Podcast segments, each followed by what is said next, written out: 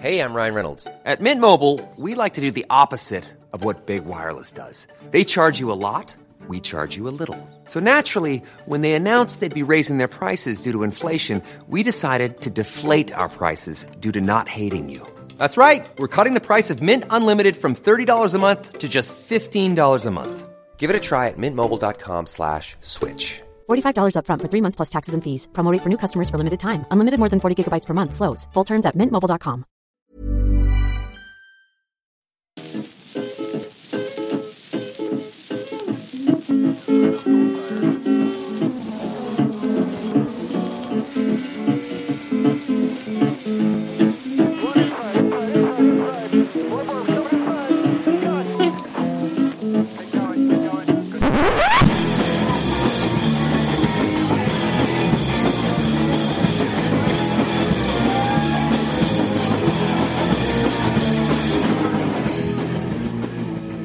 Hej kära Indiepodden-lyssnare och hjärtligt välkomna till Indiepodden avsnitt 42.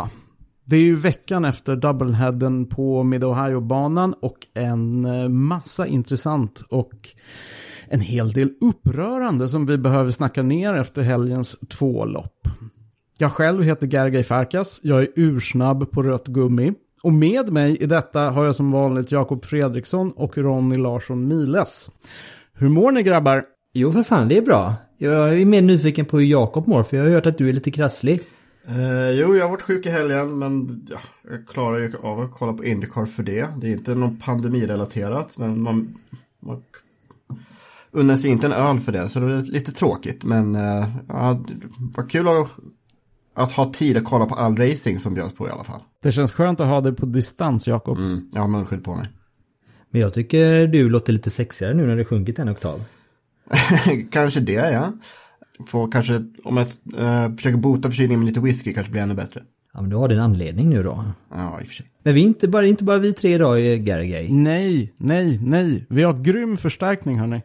Vi har grym förstärkning av en eh, väldigt speciell gäst den här gången. Som eh, en gäst som jag är helt övertygad om att våra lyssnare redan har hört prata en hel del under årets säsong och kanske även den förra. Det är en gäst som eh, jag själv allra första gången träffade på för, ja, vad kan det vara? Kan det vara en fem sex år sedan i STCC-sammanhang? Och jag minns att efteråt så var det, var det liksom tre frågor som hängde kvar i luften över mig. Och den första var så här, hur kan den här människan säga så många saker samtidigt? Hur går det rent fysiskt till? För det andra var det så här, hur är det rent fysiskt möjligt att prata så oerhört länge utan att andas? Och för det tredje så undrar jag, hur kan det komma sig att den här människan verkar känna varenda levande varelse som någonsin satt sin fot på en svensk racerbana? Kära vänner, jag pratar om ingen mindre än mannen som heter Speaker-Nisse på Twitter och Robin Nilsson överallt annars. Välkommen till Indiepodden Robin. Ja, tack så mycket. Eh, fint, eh, fint välkomnande får jag ändå säga. Jag tycker ändå det är kul Gergi att du liksom har inte träffat mig i svenska racingpressrummen där jag har varit en börda för många människor sedan jag började min karriär. Så det tycker jag det är kul att du liksom har den, den initiala Robin Nilsson som du liksom träffade på. Ja, jag kommer ihåg liksom ur-Robin.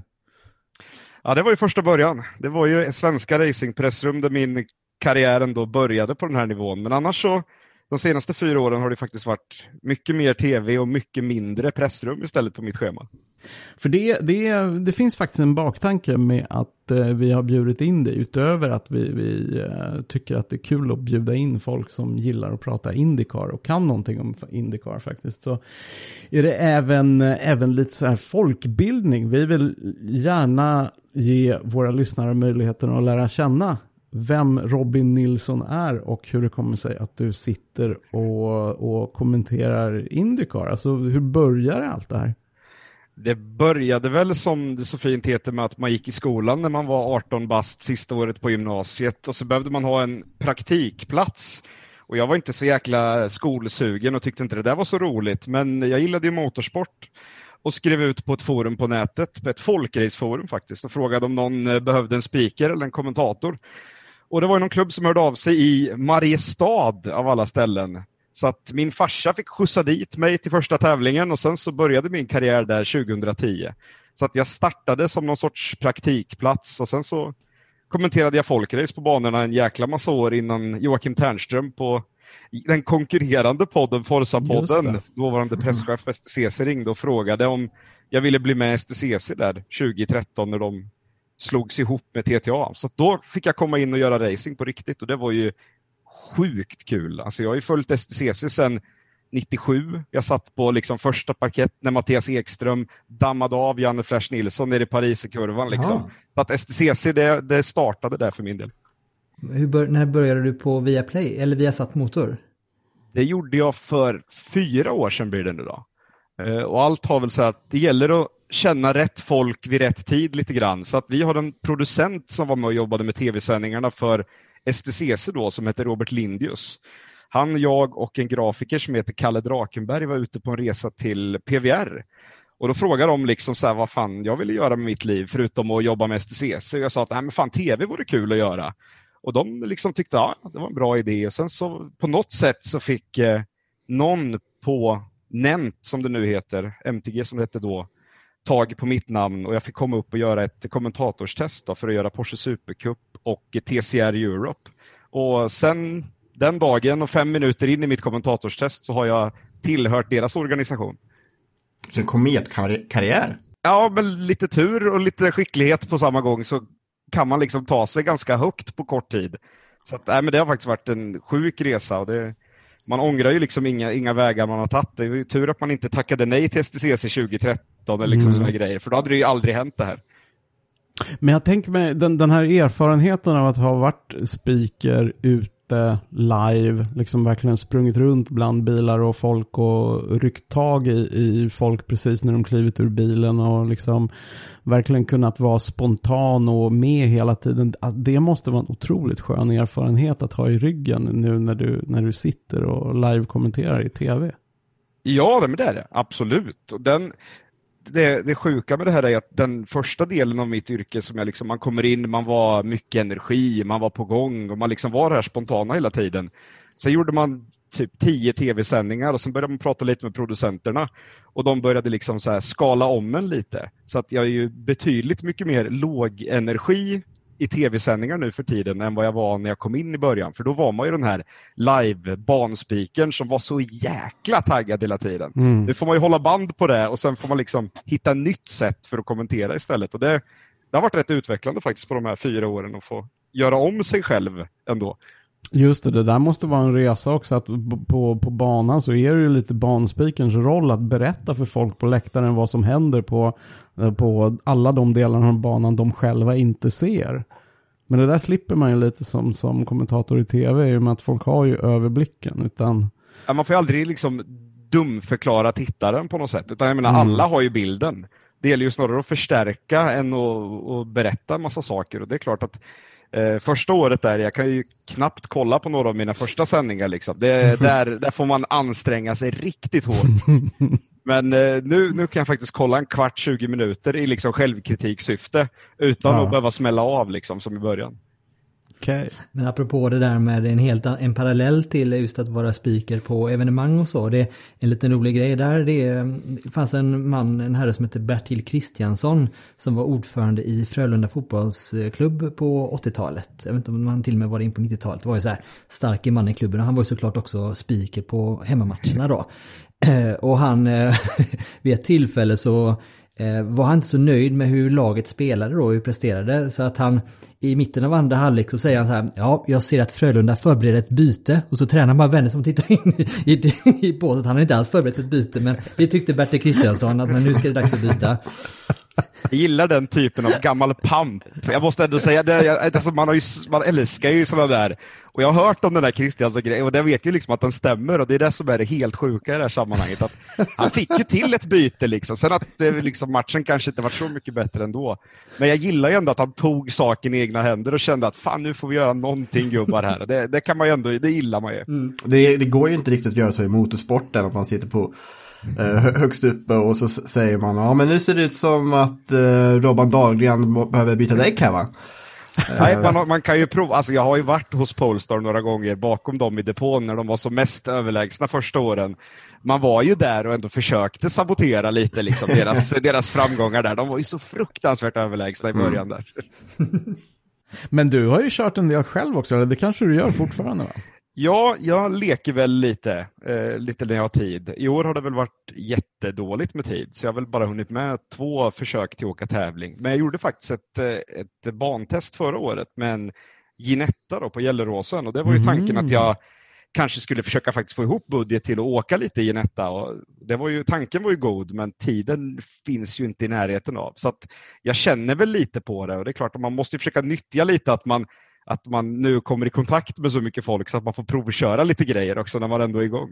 Just det, men annars är det folkrace som gäller. Annars är det folkrace, absolut. Mm. Det, det får låta den egna plånboken svida lite, men det är ganska kul att, att köra lite bil emellanåt och bryta av lite mot, mot allt det här andra. För jag menar, det är så långt ifrån man kan komma ett uh, Indy 500 eller ett Monza liksom och sitta i Botkyrka en regnig lördag med en Volvo 940 som ser ut som skit. Så det, man behöver lite kontraster ibland. Mm.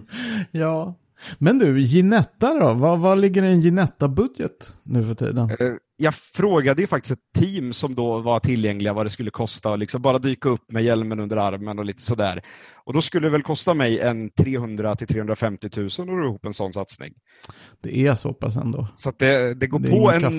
Nej, det är ingen kaffepeng. Det, hade det varit kanske bortåt en 100-150 det kan man ju med lite ja. god vilja, bra kontakter. Sånt kan man ju lösa. Men när det går över en 150-200 då blir det ju jävligt mycket pengar. Ja, då blir det en väldigt dyr hobby och det är ju ändå en instegsklass. Ja, ska väldigt mycket för att få folk att satsa. Men det här med Indycar då, är det, är det liksom ett gammalt intresse eller är det någonting mer så professionellt som är nyväckt tack vare jobbet? Eh, professionellt sett så är det ju nyväckt, men det har ju funnits med sedan SVT hade kart med i STCC-sändningarna. Så att man har ju liksom, man har ju sett Kennys år och Alexanardis, mm. den där hemska kraschen på Lausitz ring och det. Alltså, så man, man har ju sett kartracen tack vare STCC-sändningarna. Och de har ju hållit kvar det här sedan dess. Jag menar, när Björn Wiridheim var över så läste man ju mycket i, i bilsport. Jag, menar, jag började prenumerera i bilsport när jag var tror 11 år gammal, när jag liksom började prenumerera på den tidningen. Mm. Bara för att få veta saker och ting. Och då var det ju Björn man fick kolla kollen på då. Och Stanley Dickens, alla de här. Och Robert Dahlgrens försök att ta sig över till Indycar läste man ju mycket om och sånt där. Så att, eh, det var kul att få väcka upp det igen efter liksom tio års dvala. Det måste jag ändå säga att det, det var kul som fasen att komma igång igen. Sen kände man igen de här Tony Kanan och Helio Castroneves och de här. De har ju alltid haft med. Men nya namnen, det är klart, Joseph Newgarden, det enda jag hade sett av Joseph Newgarden det var när han körde rallycross i Sverige på Åresjön. Liksom. Så det, mm.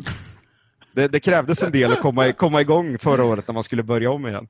Ja. Men vi hörde det senast nu i, i helgen då tillsammans med Mattias Andersson. Eh, men ska vi börja prata? Ska vi börja snacka ner med Ohio kanske? Ja. ja, men det kan vi göra. Spontant Robin, eh, nu, nu eh, om vi sammanfattar båda två racen, vad är din spontana reflektion eh, över händelserna och resultaten? Det var lite för dålig underhållning i, i lördags racemässigt mot vad det var i söndags. Det, det var så tydligt att, att man inte kunde åka alldeles för nära sina konkurrenter på något sätt. Det, det är lite tråkigt att det även är Indycar liksom nästan har börjat bli att det, det, slår lite hål i luften bakom bilarna. Att du kan inte riktigt vara så där nära som du kanske vill. Men eh, söndagsrace tycker jag faktiskt var, det var fin underhållning och det var, det var ju mycket upp och mycket ner på samma gång. Men den, det är klart, Mid-Ohio, det är aldrig tråkigt att se en racehelg på Mid-Ohio. Ska vi sätta punkt där?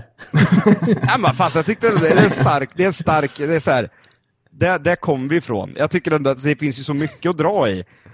Som, ja. som finns mm. från den här helgen, vad som har hänt. Alltså det finns ju så mycket små grejer. Mm. Vi har ju en del eh, snackpunkter, eller hur Jakob och Ronny? Ja, vi kan väl vart ska vi, kan av, från vilket håll ska vi börja? Ja, det är det som är så frågan. När, när det har varit så här två lopp på en helg, då är det så mycket spretiga punkter som man skulle kunna bara försöka... Om vi tittar vilket, vilken approach man, man ska ta här. Enklast är, väl att ta, enklast är väl att ta, börja med race 1 och sen tar vi i race 2. Men vi kan börja från om ja. skulle dra topp 10 i race 1 då och eh, svenskarnas eh, slutplaceringar. Ja, jag har dem framför mig då. I race 1 så var det Will Powers som vann från pole position, vilken pole position i ordningen, det har jag glömt bort, men det är väl 60 någonting.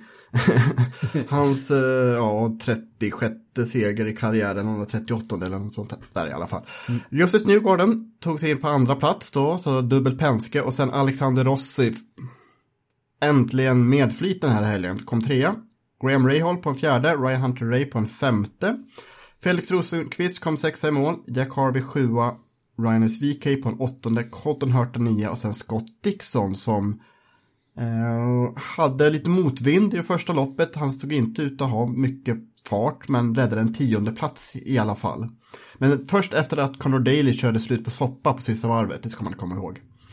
Eh, Marcus Eriksson hittar vi på en femtonde och Oliver Askew på en nittonde. Som du sa Robin, en väldigt... Eh, nej, det var ingen höjdare rent underhållningsmässigt på, på lördagen. Men det var ju heller ingenting oförutsett som hände där sett till eh, Safety Cars eller, eller någonting. Det rullade på helt enkelt. Och Penske imponerade ju lika på, stort på, på lördagen där med Will Power. Vad var det så? 2555 pole position? var det? Eh, det, var, det är faktiskt så att det är pole position nummer 59 var det. Bara 59. Men hans, hans 36 eh, seger i Indycar och sen får man räkna med två stycken i kart också innan han börjar köra för Penske i Indycar då. Mm. Eh, men det är det här är sånt här lopp som man tänker varför gör inte Power så här varenda gång? Det är så många gånger som han är ledning också, men sen så händer något knasigt. Ofta strategimiss som gör att han hamnar ute på banan när det blir gul flagg och sen så skickas han längst ner. Eller att det blir ett dåligt depåstopp eller så kör han bara av. Eh, men det här var verkligen power när han är som bäst och sen så, vi kommer väl till det senare, sen, sen var han sin, visade han sin andra sida på söndagen istället. Han är ju ojämn, det har vi ju Exakt. pratat om förut. Liksom. Han är ojämn och, och, den där ojämnheten är lite oförutsägbar. Va? Den, kan, den kan slås till när man minst anar det. Eh, någon som hittat jämnheten dock tycker jag det är ju Graham Rahal som eh, han visade otrolig fart på söndagen om vi glider in lite i den men på så dubbla fjärdeplatser här nu och dessutom eh, podiumplats väl på Indy 500 så att han har ju en vi går ju från klarhet till klarhet tycker jag sett över hur hela säsongen ser ut. Jo, och eh, han, han verkar trivas mycket bättre på road courses än på ovaler nu. Eh, på kortovalerna så var han ju faktiskt ganska hopplöst efter, särskilt på Gateway. Men glöm inte att han var med. Han tog ett podium på Indianapolis Road Course. Och sen så var han med ganska bra på Road America, men då var det såklart Will Power som petade av honom på första varvet i lopp två där. Eh, men eh, alltså Ray Hall, hans formkurva på road courses är väldigt stark just nu. Det är rätt intressant om man tittar på det teamet, hur, hur eh, de här två förarna, han och, och Takuma Sato, är så, så olika när det gäller formkurvor på road courses. Ja, och Sato, tvärtom, han var ju med jättebra på Gateway. Så det, mm. det, är, det är ett litet mystiskt stall det där, att när det går bra för den ena går det jättedåligt för den andra ett mysterium för mig här nu som egentligen har varit en trend som hållit på nu ett par år som jag skulle vilja ta upp ändå. Det är ju Marco Andrettis Racecraft. Bristen på Marco Andrettis Racecraft kanske. ja, vad, ja. Säger du, vad säger du Robin? För att jag, han, han sticker som du sagt, han på position på Indy 500 så drar man ju bara, drar man bara inte ur uh, hatten sådär. Eh, vilket han gjorde och han, han kvalar ju inom topp 10 då och då sådär. Men han bara försvinner ur racen. Vad, vad är din uh, analys av det hela? Du som sett de flesta racen, eller alla racen i år. Men han är ju han är jättesvår att sätta fingret på vad han, vad han gör och vad de gör i teamet med bilen stundtals. Det känns som en kille som de liksom, de sticker lite grann upp fingret i luften lite med Mark Andretti och han som förare också. Att liksom blåser åt ett håll, ja, han kan liksom, han kan följa med eller han kan landa tre mil åt andra hållet. Jag tror inte knappt de vet själva hur fel de är på det med Mark Andrettis del. Till skillnad mot då vad kanske Real Letterman Racing är med både Graham och Takuma Sato. För att man, man underskattar hur jäkla bra de gör det. Det är bara att, okej, okay, någon av dem faller ju i regel ifrån på förarmisstag eller annat, men de har nästan alltid en bil som är precis lika snabb som en bra Penske eller en Top Andretti Autosport. Men Mark Andretti, det är alltså, jag, jag kommer aldrig bli klok på vad han, vad han gör stundtals. För jag menar alltså, ett kvalvarv och kunna göra det så bra, det, det, krävs ju hur mycket som helst för att klara av det där. Och sen kan man, alltså man kan inte falla igenom så mycket som man gör. Två dagar i rad dessutom. Ja, han, problemen han hade, särskilt första stinten i första loppet. Han skrev på Twitter att det var problem innan loppet startade, vilket lite svårtolkat om det var pyspunka eller om det var bara en kasset upp. Kan det lika vara samma sak. Uh, i, på söndagen så han var ju väldigt modig på kvalet. Det gjorde han faktiskt bra. Ja, det var ju uh, nästan det intressantaste varvet att följa. Mm. Hade han fått ett varv till då hade han gått för pool. Det var... Oh ja, det, det hade han garanterat löst. Men första, de hade lite bränsletrycksproblem i första racet. Det var ju därför hans första stint var så märklig som det var. Och sen gick han ju nästan soppatorsk i slutet på första stinten. Och de ville ju prova någonting alternativt med hans bil som absolut inte skulle gå, men de kände nog att det var, var det någon de skulle göra det med så var det han. För att Veach klarar nog inte av att dra en prestation ur hatten. Det är klart, mm. har Marco en bra dag kan han ju kanske studsa upp och vara femma. Men han, jag tror inte han gör så mycket bättre i ett race i alla fall. Nej.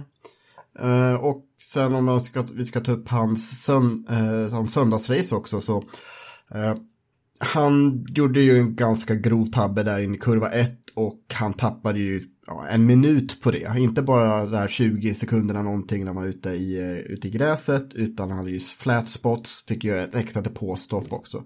Så allt som allt så förlorade han ju säkert ja, minst ett halvt varv på den grejen. Så ja, motvind för honom med kan man ju sammanfatta det som. Ja, onödigt om inte annat. Men för att återgå till, till Will Power och hans insats på, på lördagen. Man, man glömmer ju lite bort under hans de här två senaste säsongerna att det är ju faktiskt tre eller fyra race han har gått för säker seger när det har kommit en dålig gulflagg eller ett strul in i depån eller något sånt där. Alltså det är tre till fyra race som man hade krossat hem. Och då hade ju Colton Hurt absolut inte fått ta sin första seger i Kota förra året mm. och några sådana där grejer. Så att Will Power, jag är, alltså han är den föraren i Indycar att när han har dagen, då finns det ingen förare i Indycar som spöar Will Power. Alltså mm. även om Scott Dixon är på sitt absolut bästa. För den dagen Will Power är i superform, då är han bäst i Indycar-fältet. Men han är ju... Hade han varit Josef Newgarden i kombo, hade de varit i kombination, då hade det varit den ultimata Indycar-föraren. Mm. Det är väldigt lätt att tycka om Will Power. Han är charmig på sitt alldeles speciella sätt tycker jag. ja, han är, alltså han är ju sådär härligt sur och svår men ändå genuin på samma gång.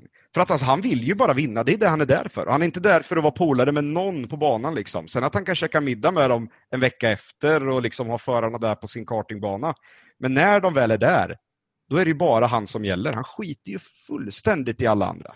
Det här var fjortonde året i rad som han vann ett Indycar-lopp. Eh, det är ganska imponerande bara det. Det är väldigt imponerande att hänga med så länge. Och 39 år är ung, han ser inte ut att åldras mycket de senaste 10 åren heller. Men alltså om Will Power då, jag tror att om han inte hade haft alla de här skadorna han hade, ja det är ju 8-9 år sedan nu, han har brutit ryggen och han har varit med om alldeles för många hjärnskakningar faktiskt. Då tror jag att han skulle varit ännu bättre de här senaste mm. tio åren. Eh, han var ju inblandad i den här hemska olyckan som eh, tog livet av Dan Weldon i Las Vegas. Där han, där han bröt eh, flera ryggkotor. Han har gjort det vid ett par andra tillfällen också faktiskt. Plus en del eh, hjärnskakningar. Han drog på sig en i, i Iowa när han kraschade där en gång. Eh, men ändå att vinna 38 lopp då och 59 pole med den historik han har haft. Eh, det, det, han är en enorm förare och om man bara skulle haft det där, det där lilla analytiska som Newgarden eller Dixon har, ja, då är han en ultimat Indycar-förare. Men han har inte varit där. Men för honom så ser man ju ändå någon slags fortsättning, någon slags framtid i Indycar. Men, men om vi återvänder till Marco Andretti. Ja. Var, var är horisonten där egentligen? Vad tror ni? Uh, var, ja. Vart ska han hamna? Alltså det, hade han, med det namnet och den backningen. Det är klart att han kommer ju få köra kvar i stort sett så länge han själv vill. Mm. Mm. Och den dagen han vill kliva av, då finns det garanterat en satsning i Andretti Autosport som kanske till och med hade passat honom bättre. Han kan ju säkert rodda ihop en bra GT-satsning eller han skulle säkert kunna få med i det här Extreme E-teamet de har startat. Liksom. Just det. Jag tror han skulle kunna göra i stort sett vad han ville. Vad lustigt att du, du kommer in på det där spåret, för det, det är exakt dit jag ville föra diskussionen. Att med det namnet och de kontakterna och, och den positionen han har tillgång till inom sporten i stort. Alltså jag undrar om inte han borde bara sticka iväg och köra, ja men köra typ IMSA, sportvagnsracing en säsong. Bara för att liksom få mil under bältet och göra någonting annat. För, Mm. för d- allting tyder på att han har hamnat i en väldigt konstig vinkelvolt liksom i Indycar som han inte kommer ur på något sätt. Utan han hamnar ständigt i de här små missarna eller jättemissarna eller bara helt oförklarligt faller genom fältet efter en helt okej kvalinsats. Att det är någonting där som inte, inte finns på något sätt som, som skulle behövas på den här nivån. Det är väl det som är just eh, enigman. Eh, Marco Andretti, just det du säger Gergej om att en sak det är om man är lite vildhjärna och kraschar ut sig eller man eh, begår mycket misstag men samtidigt har man väldigt så här, toppar. Man är ju ojämn så som, ja, willpower är väl betydligt mer jämn än för att sätta i det facket snarare. Men Marco Andretti försvinner bara. Det är som att han kör in i en annan dimension och så kör han runt där tills det är varv 74 och ett varv kvar och så går han i mål på 23 sen va. Och ingen vet egentligen vad som har hänt och det, eh, ja, det ja, men jag, samtidigt tror jag det finns ju vissa som inte har vett att förstå att de inte riktigt håller måttet. Men det känns spontant som att en sån som Marco Andretti är nog väl medveten om var vad han, vad han själv saknar just nu. Ehm, så jag Det är tror... självförtroende. Ja, precis. Så att jag tror att jag skulle inte bli förvånad om han väljer att kasta in handduk- handduken till eh, 2021 eller 2022 redan. Men de har ju en så lång historia, den familjen, av att just fortsätta inom teamet som teamchef. För han är väl mer eller mindre teamchef för sin egen bransch inom eh, Andretti Autosport. Eh, Ja, han är delägare i sin bil, om man säger så. Ja, precis. Så att eh, det är väl inte helt omöjligt att tänka. För jag vet inte riktigt hur gammal han är. Det känns, när man ser honom så känns det som att han är någonstans mellan 25 och 65. Ja, han är 33, så... Så det- då hade du faktiskt rätt Ronny. så mm. Ja, vi får se. Men jag, man känner lite för honom tycker jag ändå. Jag tycker vissa kan man ju tycka Ja. liksom synd. Jag tycker lite synd om honom faktiskt. Att han inte riktigt får ut. Eh, han har säkert mer potential än vad det är han, han levererar. Ja, Det, det, jag vet inte, jag tänker på andra, andra idrottare, andra sporter, när man liksom fastnar och inte kommer ur nå, någonting som uppenbarligen inte är en positiv centrifug, utan en, en ganska destruktiv, negativ centrifug. Så då kanske man behöver ta sig ur centrifugen och göra någonting helt annat. Åka slalom eller vattenskidor eller imsa en säsong för att liksom kanske bygga självförtroende i, på något annat, annat ställe för att sen återkomma. Och, och det är ju det också att med, med tanke på vem han är och vilka kontakter han har och att han faktiskt är delägare i bilen. Det gör ju att han till skillnad från de allra flesta faktiskt skulle ha en väg tillbaka till Indycar ganska lätt efter det. För att liksom testa om, om det har gjort någon skillnad. Jag menar de flesta som blir utspottade av, av en kungaklass har ju ingen väg tillbaka. Det är ju väldigt få förunnat. Det, här, det här kommer, håller på att föra oss in på ett visst snack. Märker ni det? En nyhet som kom bara för typ eh, två och en halv minut sedan. Ja. Exakt Ja. en sån. Ganska Ja, färsk nyhet ja. ändå. Ska vi hålla, på, den, helt- ska vi hålla på den lite eller? Ska vi fortsätta? Ja, det kan vi göra. Vi kan suga på den. Ja. För innan dess så borde vi, nu har vi snackat om Marco Andretti, men varför ska vi inte snacka om Andretti Autosport överlag? För, Ja. för en vecka sedan sa jag att den här helgen är upp till bevis för Andretti Autosport. Och eh, jo då. De lyssnade på dig, Jakob. Ja, de har bevisat att deras högsta nivå är i klass med Penske och Ganassi, men deras lägsta nivå är ju uppenbarligen mycket lägre.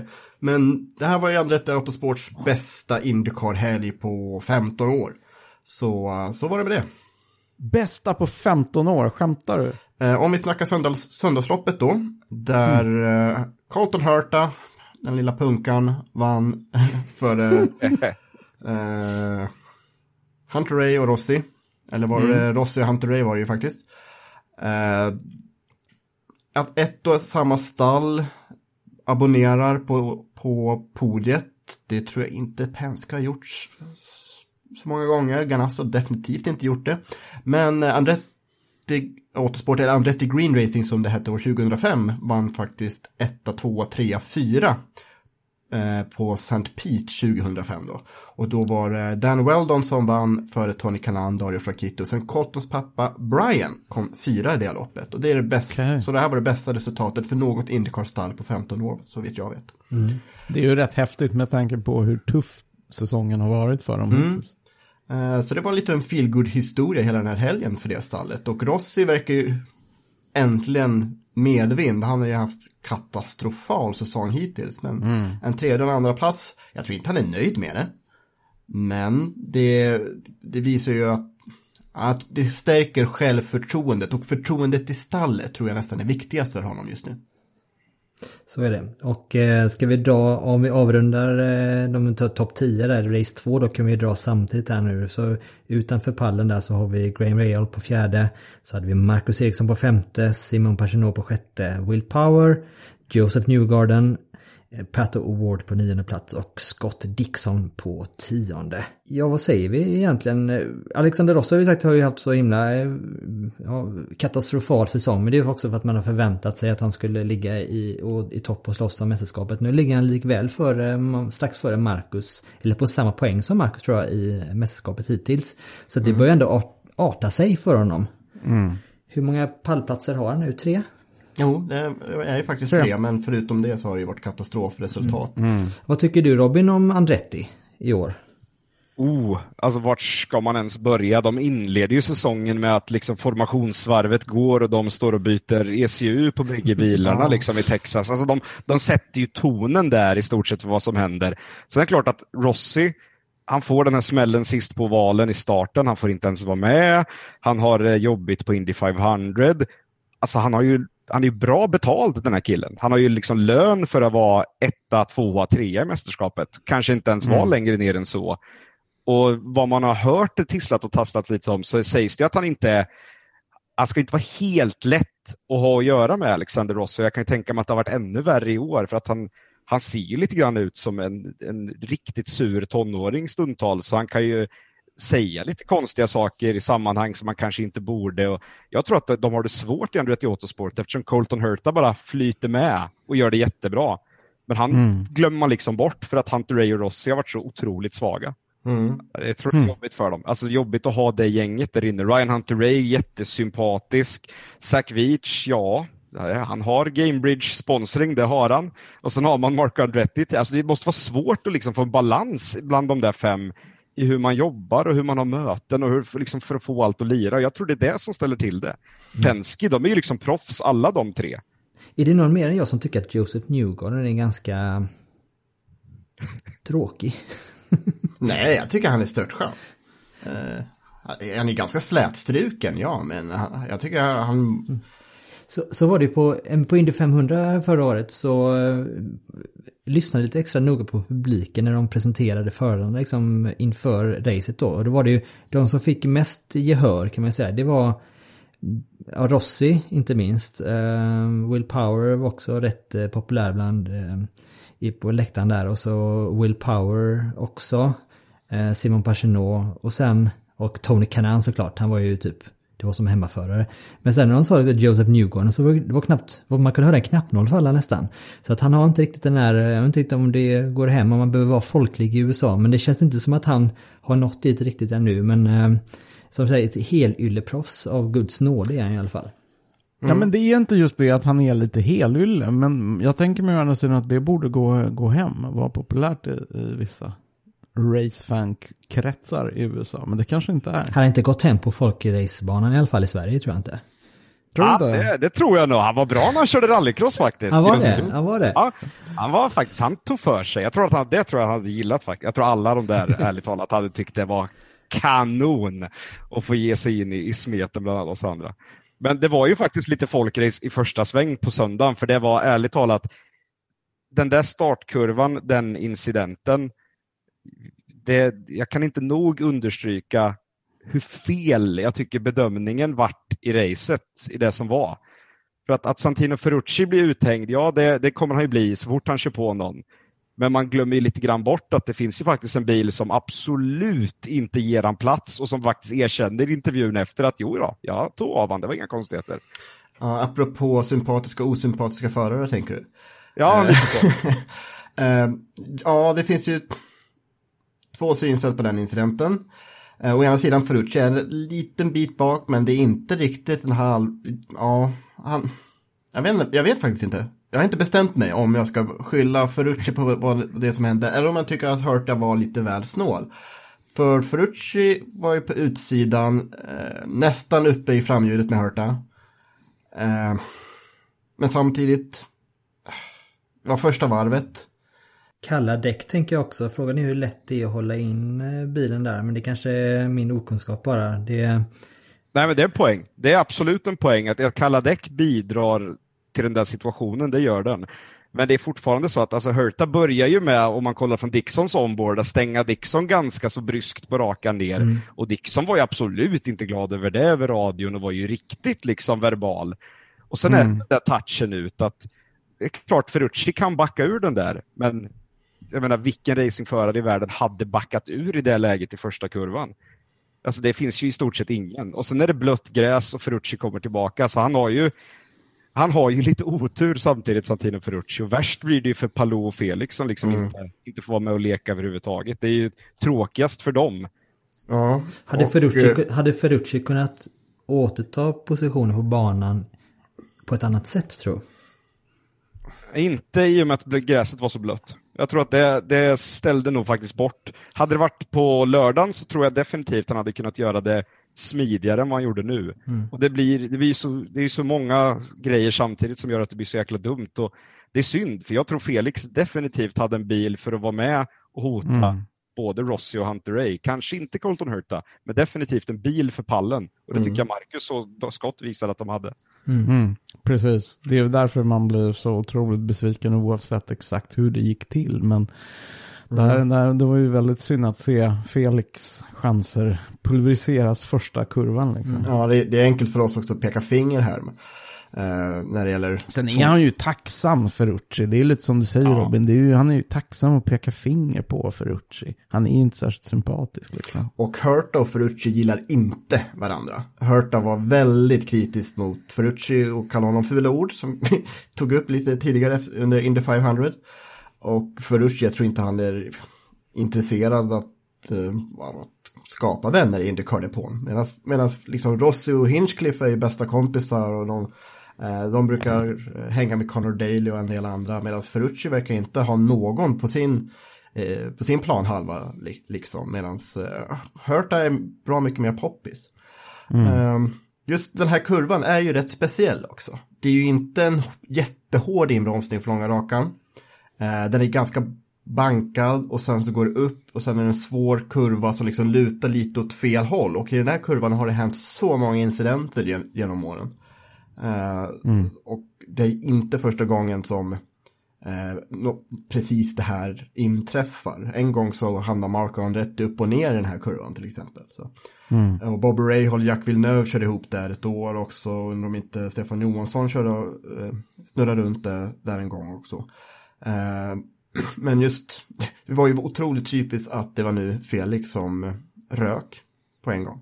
Ja, väldigt trist. För det är, det är, där var det liksom tillbaka till road courses. Det är där man misstänker att Felix är som starkast och verkligen såg fram emot att se hans insats. Och det såg ju okej ut för Felix på lördagen. Ja, eh, men Ganassi, att... Ganassi i sig såg sämre ut än vad mycket sämre jag hade förväntat mig. Jag hade ju förväntat mig nästan att de skulle vara skulle abonnera på pallen den här helgen med tanke på hur bra de var förra året. Men nu, Marcus femteplats på söndagen var det bästa de kunde väcka med. Dixon hade ju verkligen, var ju på lörd, lördagen eh, under isen.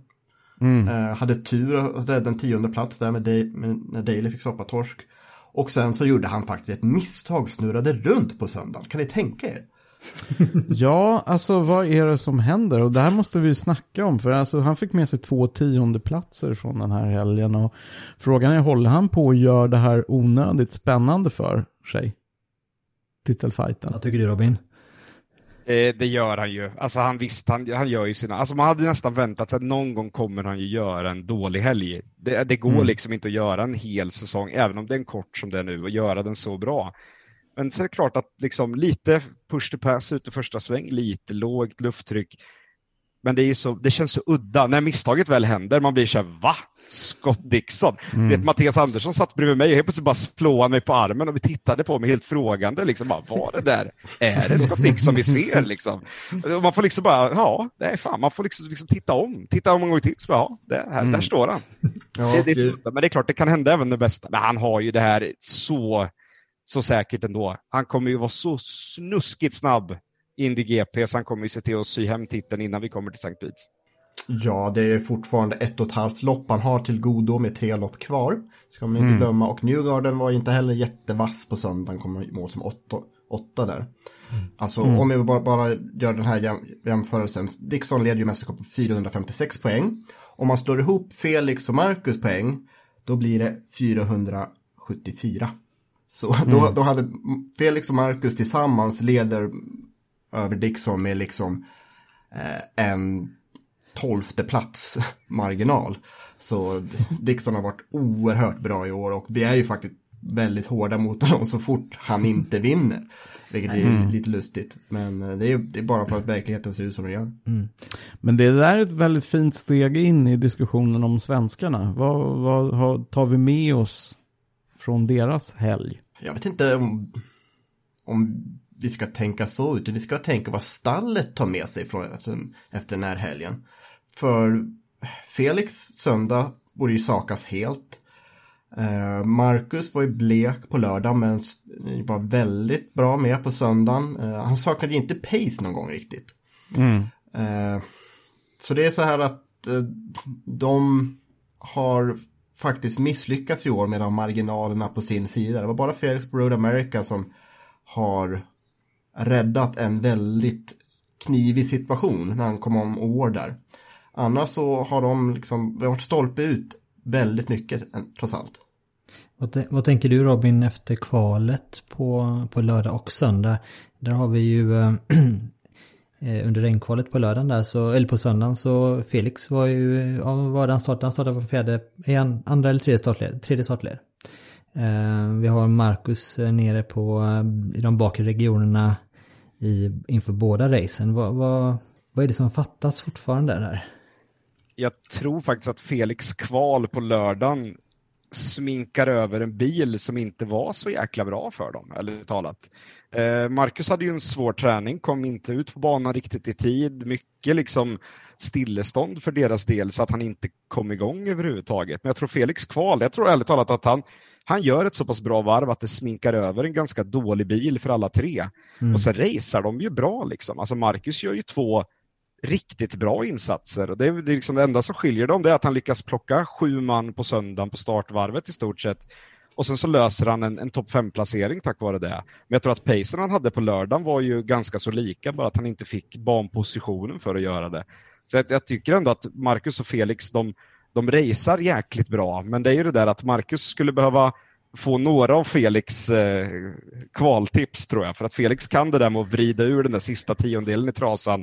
Och jag tror det är den Marcus saknar lite grann för att verkligen ta sista steget. För att de är ju vansinnigt snabba bägge två och i race så är de ju faktorer mot de andra.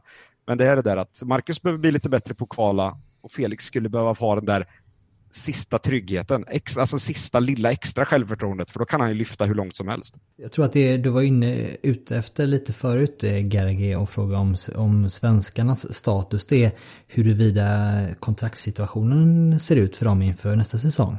Ja, jag tänker ju liksom att vi börjar närma oss, eh, närma oss slutet på den här ganska korta säsongen och Felix ligger i P11 i sammandraget, har den här superviktiga första segern säkrad. Uh, I fjol var det ju otroligt mycket uppståndelse kring honom, Rookie of the Year. Och slutade P6 i sammandraget. Riktigt, riktigt fint första, första säsongsresultat. Nu ligger han som sagt 11, definitivt chans att ta sig upp på en sammanlagd topp 10-position. Eh, Marcus i fjol slutade P17 i sin debutsäsong. Nu ligger han P13 och också det är ganska tajt mot de som, som ligger framför. Bland annat eh, Rossi, Rosenqvist och Ferrucci som definitivt eh, är, är de närmaste hindren upp till en eh, topp 10-placering för Marcus. Så båda har ju liksom fortfarande definitivt chansen att ta sig upp på topp 10-placeringar. Eh, men någonstans så, så det du säger eh, Ronny är ju också att, eh, eller det jag tänker på är ju att det är lite oklart med kontraktssituationerna, hur det ser ut för svenskarna. I alla fall för oss utomstående. Så att man, man börjar undra, så här, hur, ser, hur ser horisonten ut för dem framöver? Vad, vad tror du om det Robin? Det, det är ju så att det, man får ju veta, man, man hör lite grejer. Man hör lite grejer från båda leden som väl ser ganska så positivt ut. Att det har väl börjat förhandlas i alla fall med båda två som jag har förstått det utan att ha Eh, superinsyn i lägret i Marcus innersta krets eller i Felix innersta krets. För Det finns folk som har bättre koll i kanske varsitt läger där än, än jag har. Men det förhandlas med Chip Ganassi Racing för både Marcus och Felix. Men eh, hur man får till en deal. Eh, det mm. skiljer sig på så många plan numera i motorsportbranschen. Att, menar, det. det är inte som förr i tiden när de visste att de hade en budget från företagen på 10 miljoner per bil som liksom var pyntade och det i stort sett bara var frågan vad vill du ha för lön? Den, den frågan finns ju inte idag. Det är så mycket mer komplext hur allting ser ut runt mm. omkring. Mm. Och Sen var det väl kanske så att man kan börja med att slå det här att Jimmy Johnson ska ersätta någon av svenskarna-grejen. Det kan vi slå ur hågen ganska ordentligt. Att mm. Johnson kommer ju med i en fjärde bil om han får ihop sponsorerna. Mm. Eh, lite där man annonserade att, att Jimmy ska vara med och köra för Ganassi Racing. Det är också ett sätt att väcka uppmärksamhet runt det för att få in den här degen för att driva den bilen så att säga. Just eh, så att man ska ju liksom inte ut i stugorna tro att nu kommer Jimmy Johnson in med massa pengar eller ska ha massa lön här utan det är ju så att Jimmy Johnson vill gärna köra Indycar men han ska också få ihop pengarna för att göra det. Det är klart, det är väl lättare för han än för många andra kanske att få ihop mm. budgeten till att styra den här bilen. Men det är lite så de agerar ifrån, från teamets del. Att det är inte så att han kommer att ta svenskarnas jobb, utan det är, inte, det är inte det som kommer vara grejen där. Och det här är ju lite sådär amerikansk racingteams filosofi som inte riktigt överensstämmer med hur det brukar vara här på den europeiska sidan. Här är det lite mer så att har du fått en plats i ett team så, så är det kanske någon som behöver flytta på sig om du ska, om du ska ha din plats. Och det, I USA så är det lite mer flexibelt. Liksom. Där kan man dra till med att plocka in en fjärde bil om man eh, har resurserna till det. Liksom. Som i det här fallet. Och det är mm. fler som tittar där med. Det är många som tittar på tredje bilar. Det är där mm. det börjar landa nu att Ray och Letterman, de vill ju titta på en tredje. Men då går Bobby Ray ut och säger ah, men då får vi inte köra några double headers. Och då är det så här, ah, varför inte? Nej, det sliter på personalen och det är jobbigt att foliera om bilen. Det blir lite så här, ja, det är också lite, det är lite amerikanskt. Att liksom den detaljen, den är jävligt viktig att gå ut och dessa med. När vi ska, ska vi ha en tredje bil? Ja, men ah, foliera om bil? Nej, där, ah, de, ah. då behöver folierna jobba helg och det vill de. Nej, det, vet, det, det, sådana där grejer dyker ju upp. Sen hoppas ja. jag och tror att Ray Letterman, att de får in en tredje bil, det vore väldigt bra. En mm. högklassig bil till. Eh, SPM McLaren, en tredje bil till. Ja, det vore också trevligt. Sen tror jag att kanske det här Sergio Perez-ryktet eh, hade varit jävligt kul. Men eh, det är ju också eh, det är väldigt mycket plan B eh, om Perez ska dyka upp i Indycar. Och gör han det kommer han ju vara en enorm stjärna. Men det hade mm. varit kul. Ja, det här med silly season, för ett par veckor sedan så var det ju inte någonting på, nytt på himlen alls där. Men nu börjar det gå, dra igång på riktigt och vi kanske kan nämna det som vi drog i lite tidigare. Ja. För en timme sedan så bekräftades det, okej, okay, ja, det är ju tisdag kväll när vi spelar in. Eh, på tisdagskvällen så bekräftades det att Sebastian Bourdais kommer göra comeback på heltid nu i AJ Foyts nummer 14, det klassiska numret. Han kommer göra, göra comeback redan till nästa lopp på Indianapolis Motor Speedway på Harvest Grand Prix. Så då kommer ju Foyt ställa upp med tre bilar där, det blir kul. Hur mycket jublar ni över detta? Ah, Har ni saknat Sebastian Bourdais? eh, inte jättemycket egentligen, men nej, han, är, han, är en, han är en stjärna, han är en karaktär faktiskt. Och han, Eh, när han var som mest framgångsrik då, för ja, i och för sig 15 år sedan och när han körde i Formel 1, då var han ju verkligen en surpuppa. Mm. Eh, men han har ju verkligen mognat i eh, sin roll som offentlig racerförare på något sätt. Eh, och eh, han, han verkar bjuda på sig till publiken mycket mer nu än när han var i 20-25-årsåldern då. Eh, så det, det, det tror är ganska viktigt för Indycar att ha med honom, för att han är populär. Mm. Gergely, hur många år har du räknat ut Sebastian Bourdais? Du sa det någon gång för väldigt många avsnitt sedan. Oh, jag kommer inte ihåg eh, exakta siffran jag sa, men det var ju väldigt många år som jag tyckte att han har, han har gått lite på övertid. Så att, men jag måste ändå säga, ja, jag blir inte överlycklig över att han kommer tillbaka. Jag, jag tycker han har liksom vunnit så oerhört mycket och, och, presterat så oerhört mycket. Så att någonstans så får man väl också sätta, sätta punkt i hans ålder. Inte minst lämna fältet vidöppet för all den enorma talang som kommer underifrån. Liksom. Dalton Kellett? Nej, det var inte honom jag tänkte på. Jag tänkte på, jag tänkte på Linus Lundqvist. Ah, okay. Ja, men... Eh. nej, nej, men alltså det, det är ju den ena grejen. Men det, det jag tänker på igår när ryktet började gå i eh, en del nätforum om att AJ Foyt skulle hålla presskonferens idag så parades det ryktet med, med ett annat rykte om att AJ Foyt som team sitter riktigt mycket i klistret och det började spekuleras i om att Eh, det som den här presskonferensen skulle gå ut på skulle antingen vara att enbart köra en bil framöver för att man inte har råd med mer eller till och med lägga ner stallet helt och hållet. Så att det var lite så katastrofvibbar kring AJ Foyt-teamet och det skulle jag ju tycka var så fruktansvärt trist om, om, om de försvann. Så att jag, jag, jag fick höra den här nyheten om Sebastian Bourdais i skenet av att jag trodde de skulle läggas ner och i den, den jämförelsen så är säger, tar jag hellre Sebastian Bourdais än säger hej då till AJ Foyt-teamet. Och nu kommer man alltså köra tre bilar då. Ehm, frågan är hur det blir eh, nästa säsong om de kommer, eh, vem, om det är någon av eh, Charlie Kimball eller Dalton Kellett som får stryka på foten nästa år. Det är ju en intressant fråga. Vad tror ni? Mm. Ja, Kimball har ju alltid haft starka sponsorer i ryggen. Mm. Eh, dock inte så starka resultat, men det har ju inte Kellet eller någon som kört Foyt senaste, ja, sen, sen Kenny Bräck egentligen. Så det, det, ah, de kommer ta högstbjudande. Så det är verkligheten för Foyt-stallet. Det kan ju mycket väl vara så att det blir eh, Sebastian Bardet på heltid och så kör man eh, så är det kanske Charlie Kimball och så kommer Tony Kanan köra tredje bil på ovalerna nästa år. Säkert, säkert. Det, det, är bara spekulationer just nu, men det är skönt att en så pass tidig bekräftelse från det här stallet. Det, det, det, är, det är skönt att man kan sätta punkt på, på de ryktena. Då.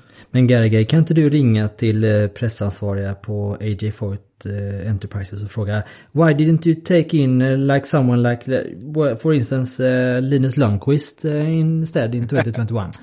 exakt, exakt. Jag, jag kan ringa och fråga. Gör det. He's not a föredetting.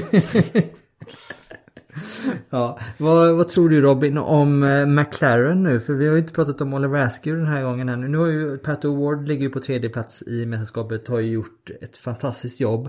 Eh, Oliver har ju också gjort, haft några riktiga starka toppar. Men har annars gjort kanske en, en, ja, en typisk rookie-säsong med lite blanda, blandade resultat. Nu hade han ju helgen här en ska säga, 19 plats och en 15 plats tror jag, om jag inte minns fel. Eh, när det kommer sådana rykten som, eller som det typ McLaren säger då att ja men vi skulle vilja ha Checo Perez i, eh, i eh, McLaren nästa år. Det hade varit roligt i Indycar. Frågan är om de siktar på en tredje bil då eller om det är så att eh, det kan bli dubbelt mexikanskt i McLaren nästa år.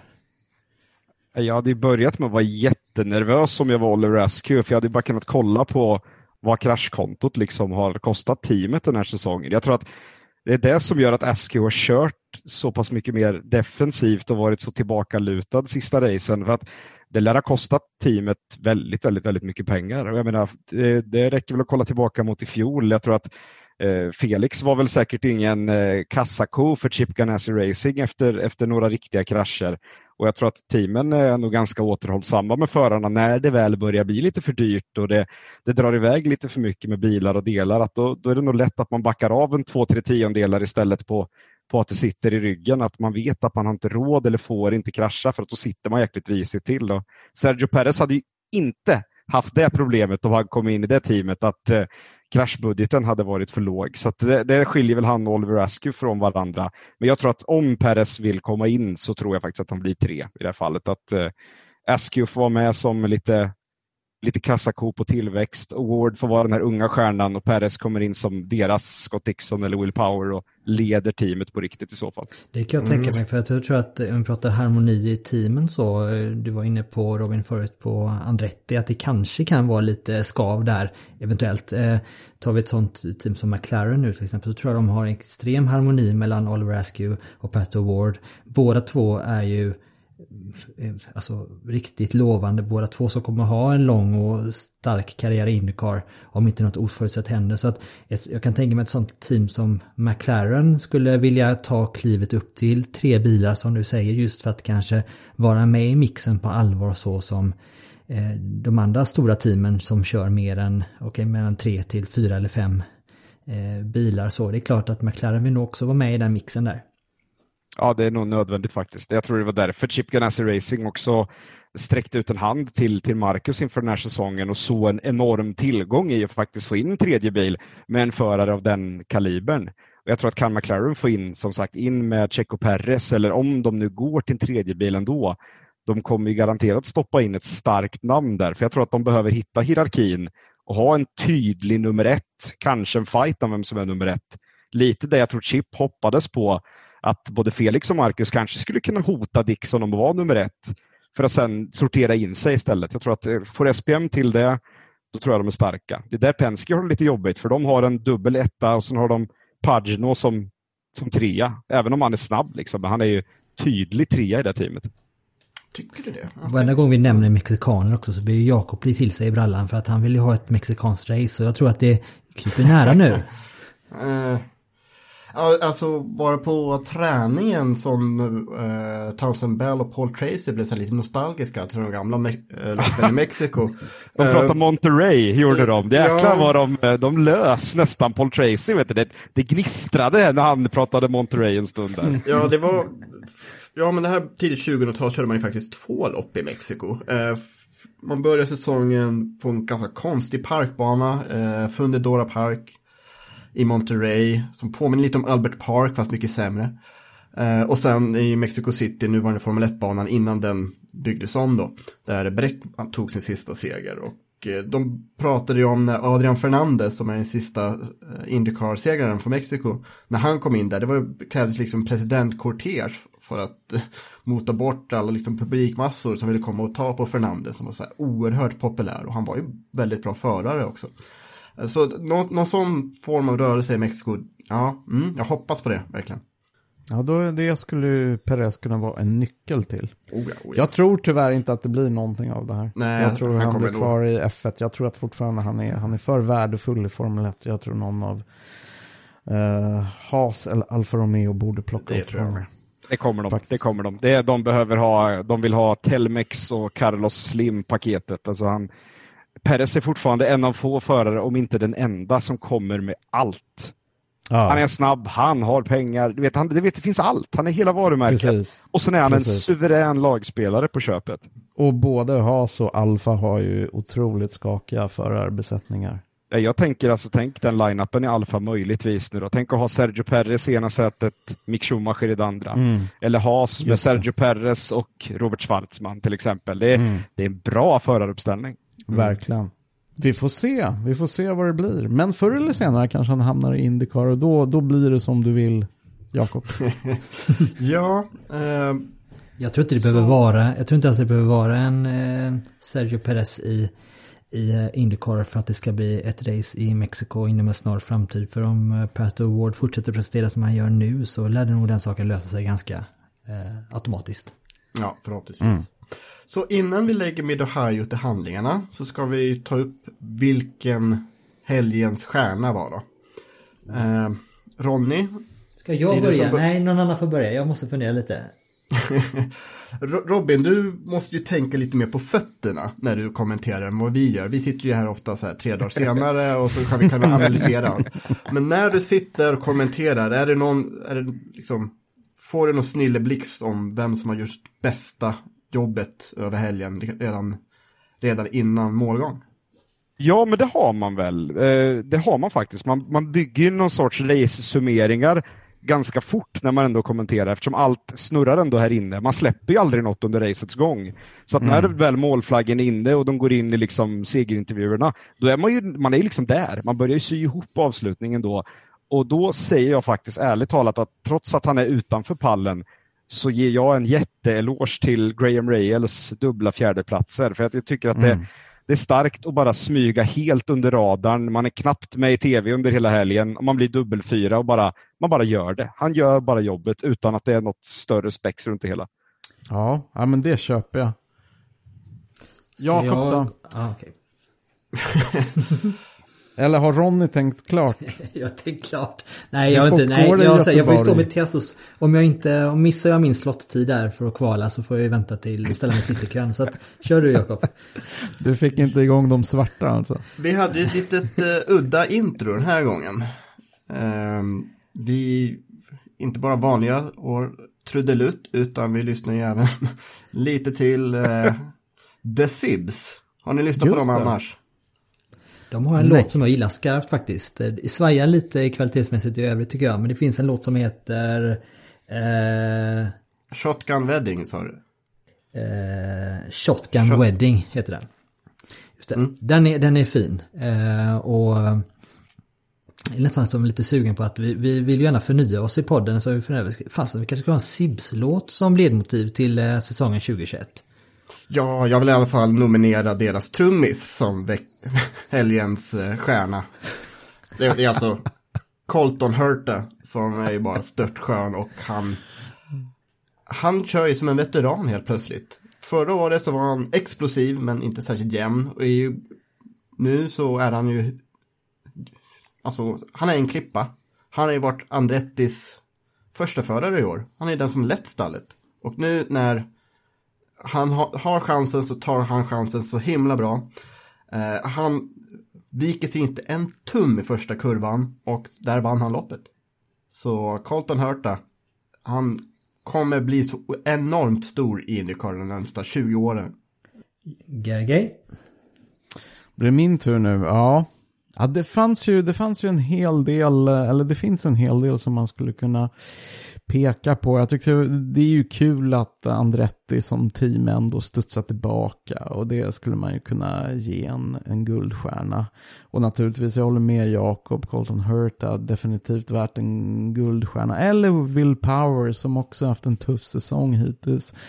Men, eh, men man står sig själv närmast på något sätt och då hamnar ju svenskarna i fokus tycker jag. Och är det, är det några som jag skulle vilja ge en guldstjärna för att de inte sjabblade bort det lilla roliga som, som ändå hände från svensk perspektiv så är det Marcus Erikssons depåpersonal som denna gång lyckades utföra sitt jobb utan att sinka svensken. Så att det blev en femteplats, vilket är, vilket är kul. Så Marcus depåpersonal, woho! Ja, de, de hämtar sig. Vi såg ju dem Imsa. Imsa-gänget som vi brukar Ja. kalla dem. Eh, jag vet inte om de har skyfflat om någonting i personalen där, men det, det har jag inte hört någonting om. Ja, vi utgår ifrån att de inte har gjort det. Så det, ja. men det såg stabilt ut. Mm. Annars har det varit en, liksom en sån negativ följetong i Indiepodden att vi inte är helt supernöjda med hur Mackans depåstopp funkar. Okej, då ska vi se. Nu är det jag då. Nu har jag fått igång motorn och värmt däcken och värmt bromsarna. Det det stod mellan eh, basisten i The Sibs, Chris Broadbent, som måste ha haft ett väldigt positivt inflytande på Colton Hurta i år. Det var ett första alternativet. Eh, Men jag tror jag måste ändå säga eh, Andretti Autosporten då. Eh, nu och ta att den här, det är ändå, det går inte att bortse från just när man tar en ett, första, andra, tredje plats. Eh, nu här och eh, gör det med besked med tanke på hur, hur svajigt det har varit hittills. Så att jag tycker vi får ändå säga, jag, jag väljer att sätta min stjärna till Andretti som team faktiskt.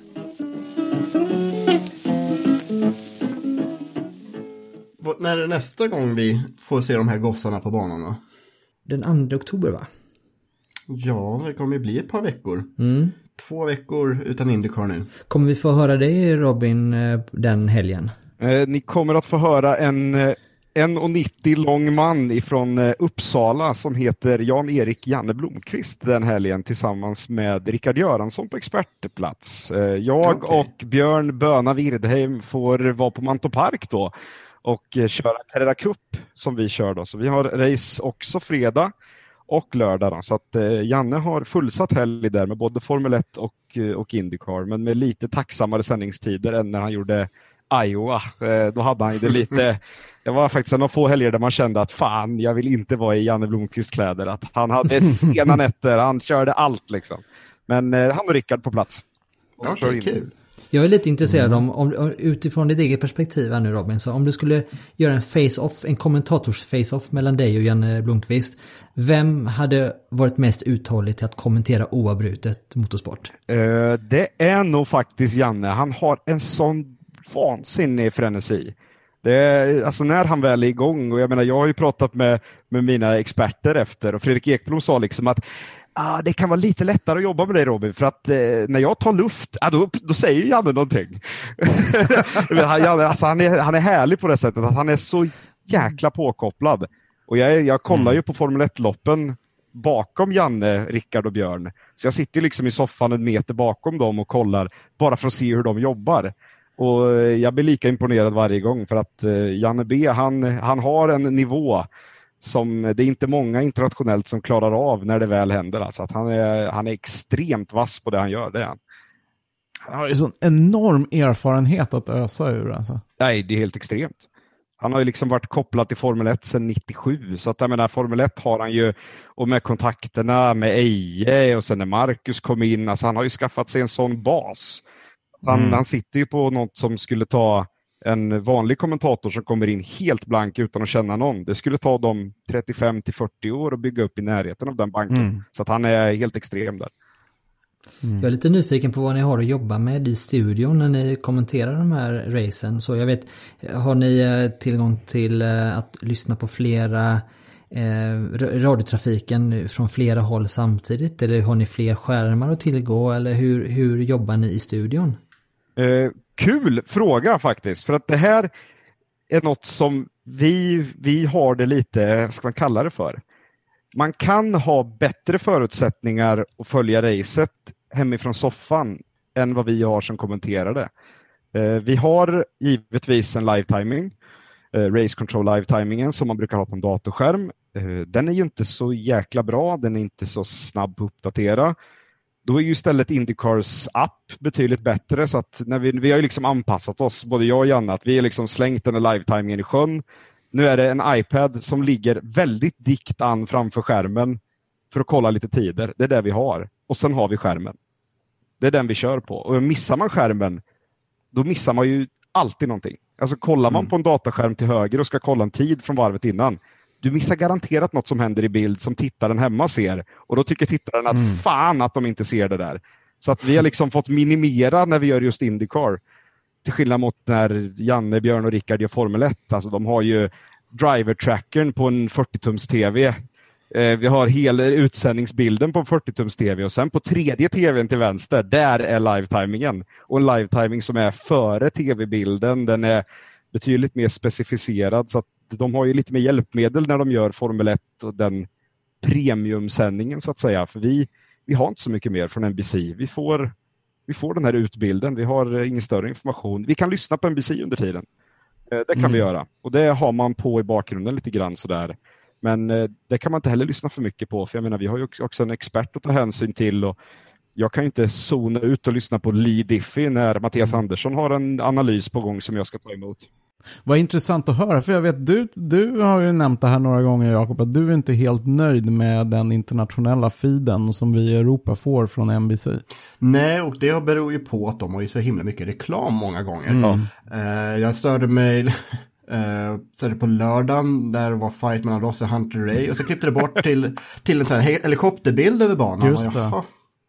Det, det vore ju bättre om de kunde prioritera internationella tittare lite mer. Men jag förstår också att ja, de, de gör ju det här för en, för en amerikansk publik. Eh, men det är intressanta insikter att ha, uh, vi får från dig, Robin. Det är En sak jag är nyfiken över är eh, logistiken när det blir sådana här all-nighters. Uh, kan ni sova över hos Viasat eller?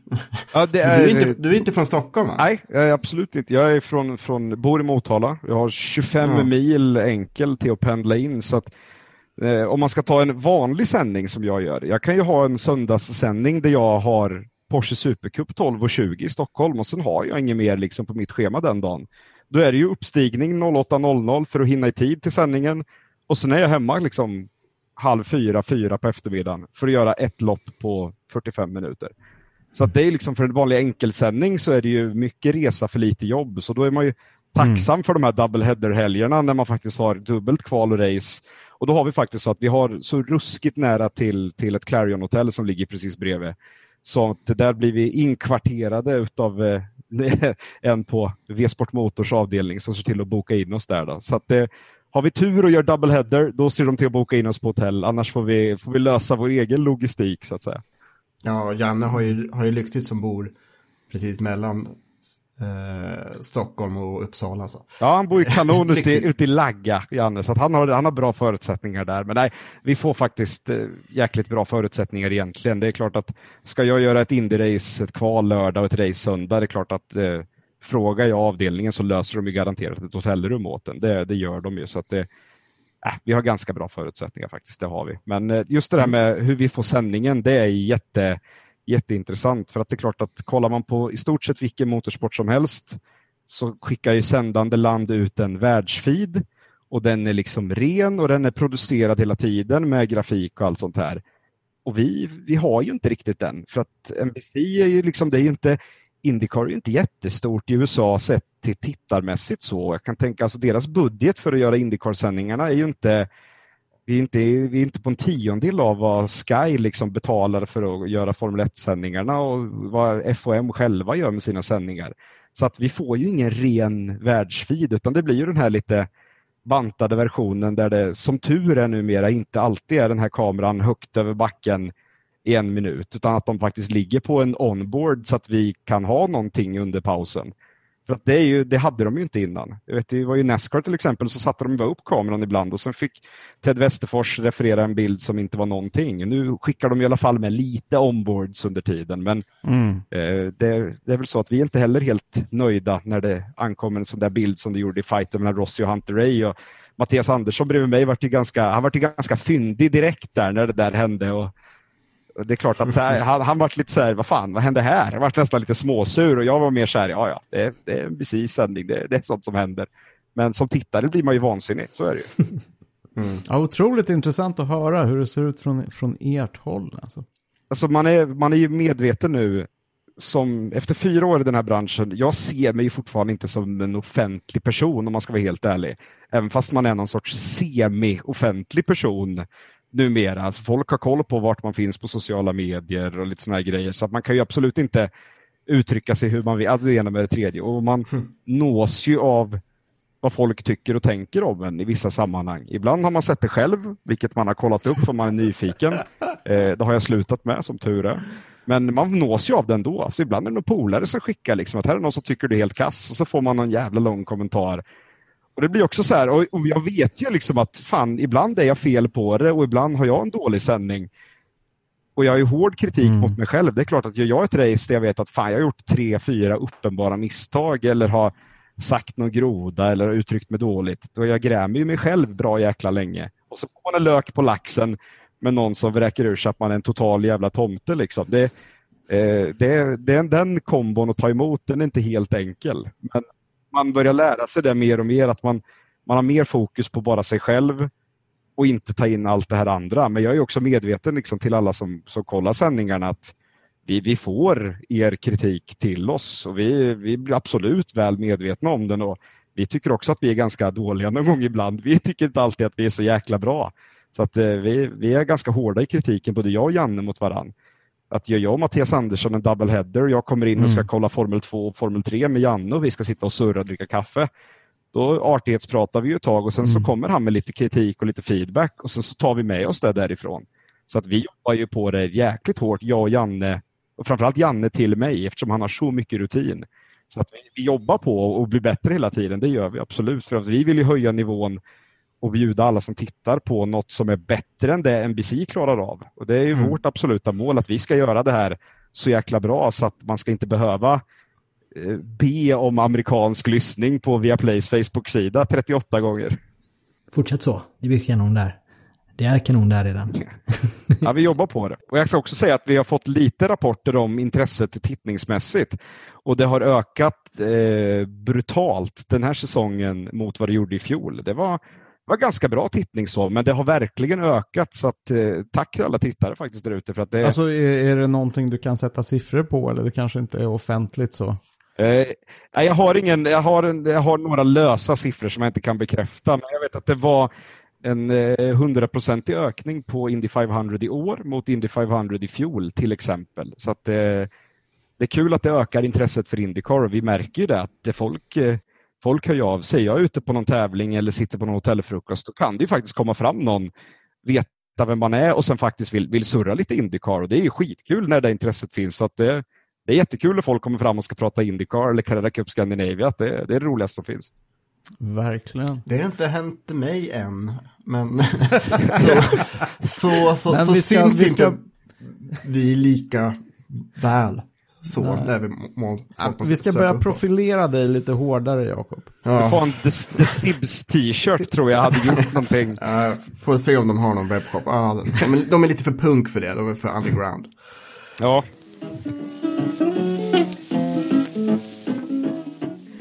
Men eh, då tycker jag vi avrundar eh, veckans avsnitt. En sak till. Nej, jaha, jaha. Du får inte avrunda innan mm. jag har mhm. dragit min sista sak. Ja, men kör. Jag har en skitrolig grej. Det är för, för er kanske det inte är racevecka, men för mig är det racevecka. Det är Le Mans 24 timmars i helgen och jag älskar Le Mans 24 timmars. Det, det är liksom ett litet sår i mitt hjärta att jag inte är där på plats. Men jag tänker ändå följa det, så det kommer vara shitloads med bra racing att följa på distans. Och då finns det faktiskt några Indycar-kopplingar som jag tycker att vi bör nämna så att folk har koll på dem. Mm. Framförallt så är det Dragon Speed som eh, även gör, har gjort en del inhopp i Indycar i år som har två bilar i LMP2-klassen som vanligt. Eh, och i den ena bilen så är, är en av förarna Juan Pablo Montoya och det tycker jag kommer bli riktigt, riktigt spännande att se honom i en bra LMP2. Det är eh, bil nummer 21 ni ska hålla utkik efter. Sen har de en bil till, bil nummer 27, Dragon Speed. Där har vi Ben Henley som har varit deras Indycar-förare i år i de inhoppen Dragon Speed har gjort. Tillsammans med Henrik Hedman som, som är delägare i det här teamet. Och eh, han gör väl sin, skulle tro, fjärde eller femte Le Mans-start. Och Eh, avslutningsvis så har vi även hos eh, GT-teamet Risi Competizione ett av de riktigt eh, starka GT-teamen. Där har vi bil nummer 89 med ingen mindre än Sebastian Bourdais i förarbesättningen. Och han är ju, han är ju född i Le Mans. Så att och dessutom flerfaldig klassegrare där. Så att han kan säkert ta med sig någon riktigt fin placering i helgen. Så missa inte Le Mans 24 timmars i helgen. Det är otroligt kul. Vad, vad lyssnar vi, eller vad tittar vi på det? Vilka, var kan vi se det någonstans nu då? Robin? Jag kan, jag kan berätta att det går på en plattform som heter Viaplay Sport. Yes! Det gör det faktiskt. Och i TV10 eh, kommer det gå på lördagen. Eh, nu är ju alla, tänkte jag säga, på motorredaktionen, vi är på Anderstorp allihopa. Jag, Björn och Janne. Men Mattias Andersson kommer att eh, köra den, ratta den sändningen som går i TV10. Och sen kommer den på nattpasset att finnas med engelsk kommentering på Viaplay Sport och sen på söndagen kommer Janne och Mattias Andersson att ta det här i mål i TV10 och på Viaplay. Fantastiskt. Ska Mattias snacka 24 timmar i sträck? Ja, de hyrde in Mattias. Jag tror att det vart fem timmar kanske ah, okay. på Mattias där. Så att, nej, han, han kliver direkt från expertsoffan över och han har gjort det på 24 timmar i och för sig. Men nej, så Mattias kommer att komma in och göra fem timmar på lördagen och sen han och Janne ta allting i mål på söndagen. Och nattpasset givetvis på Viaplay hela tiden. Härligt, härligt. Ja, för mig, för mig är det också ett jätteviktigt lopp. Uh, nu äntligen sommaren fullbordad. Så, ja. Yes. Det är, lite, det, det är ju lite svagare fält i år av mm. förklarliga skäl. Men det var väldigt goda nyheter också i Le Mans-världen med Peugeot och Alpin gör comeback. Just det. Från 2022 kul. och 2021 respektive. Mm. Ja, men ja.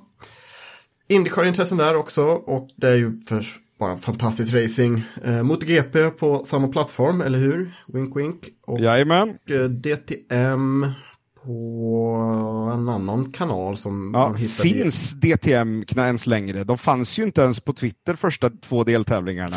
Oj. Det, ja, de fanns det... på Sportkanalen i alla fall. Gjorde de det? Ja, det är härligt. härligt. Jo, så uh, det kommer vara en fullspäckad motorsporthelg, även om det dröjer tre veckor nu till uh, Harvest Grand Prix som det är ny grej, men det är samma gamla bana på Indianapolis Motor Speedway när de kör road course. Det blir nästa Indycar-lopp då.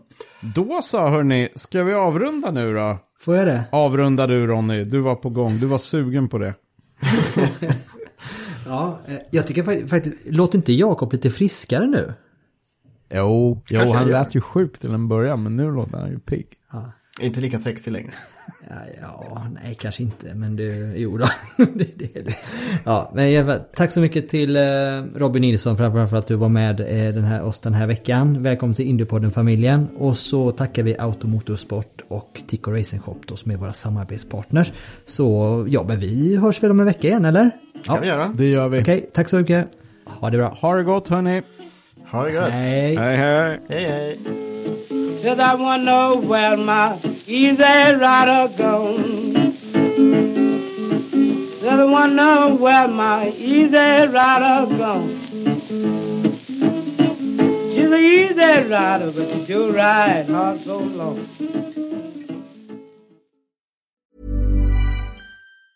Planning for your next trip? Elevate your travel style with Quince. Quince has all the jet-setting essentials you'll want for your next getaway, like European linen premium luggage options, buttery soft Italian leather bags, and so much more. And is all priced at 50 to 80% less than similar brands. Plus, Quince only works with factories that use safe and ethical manufacturing practices.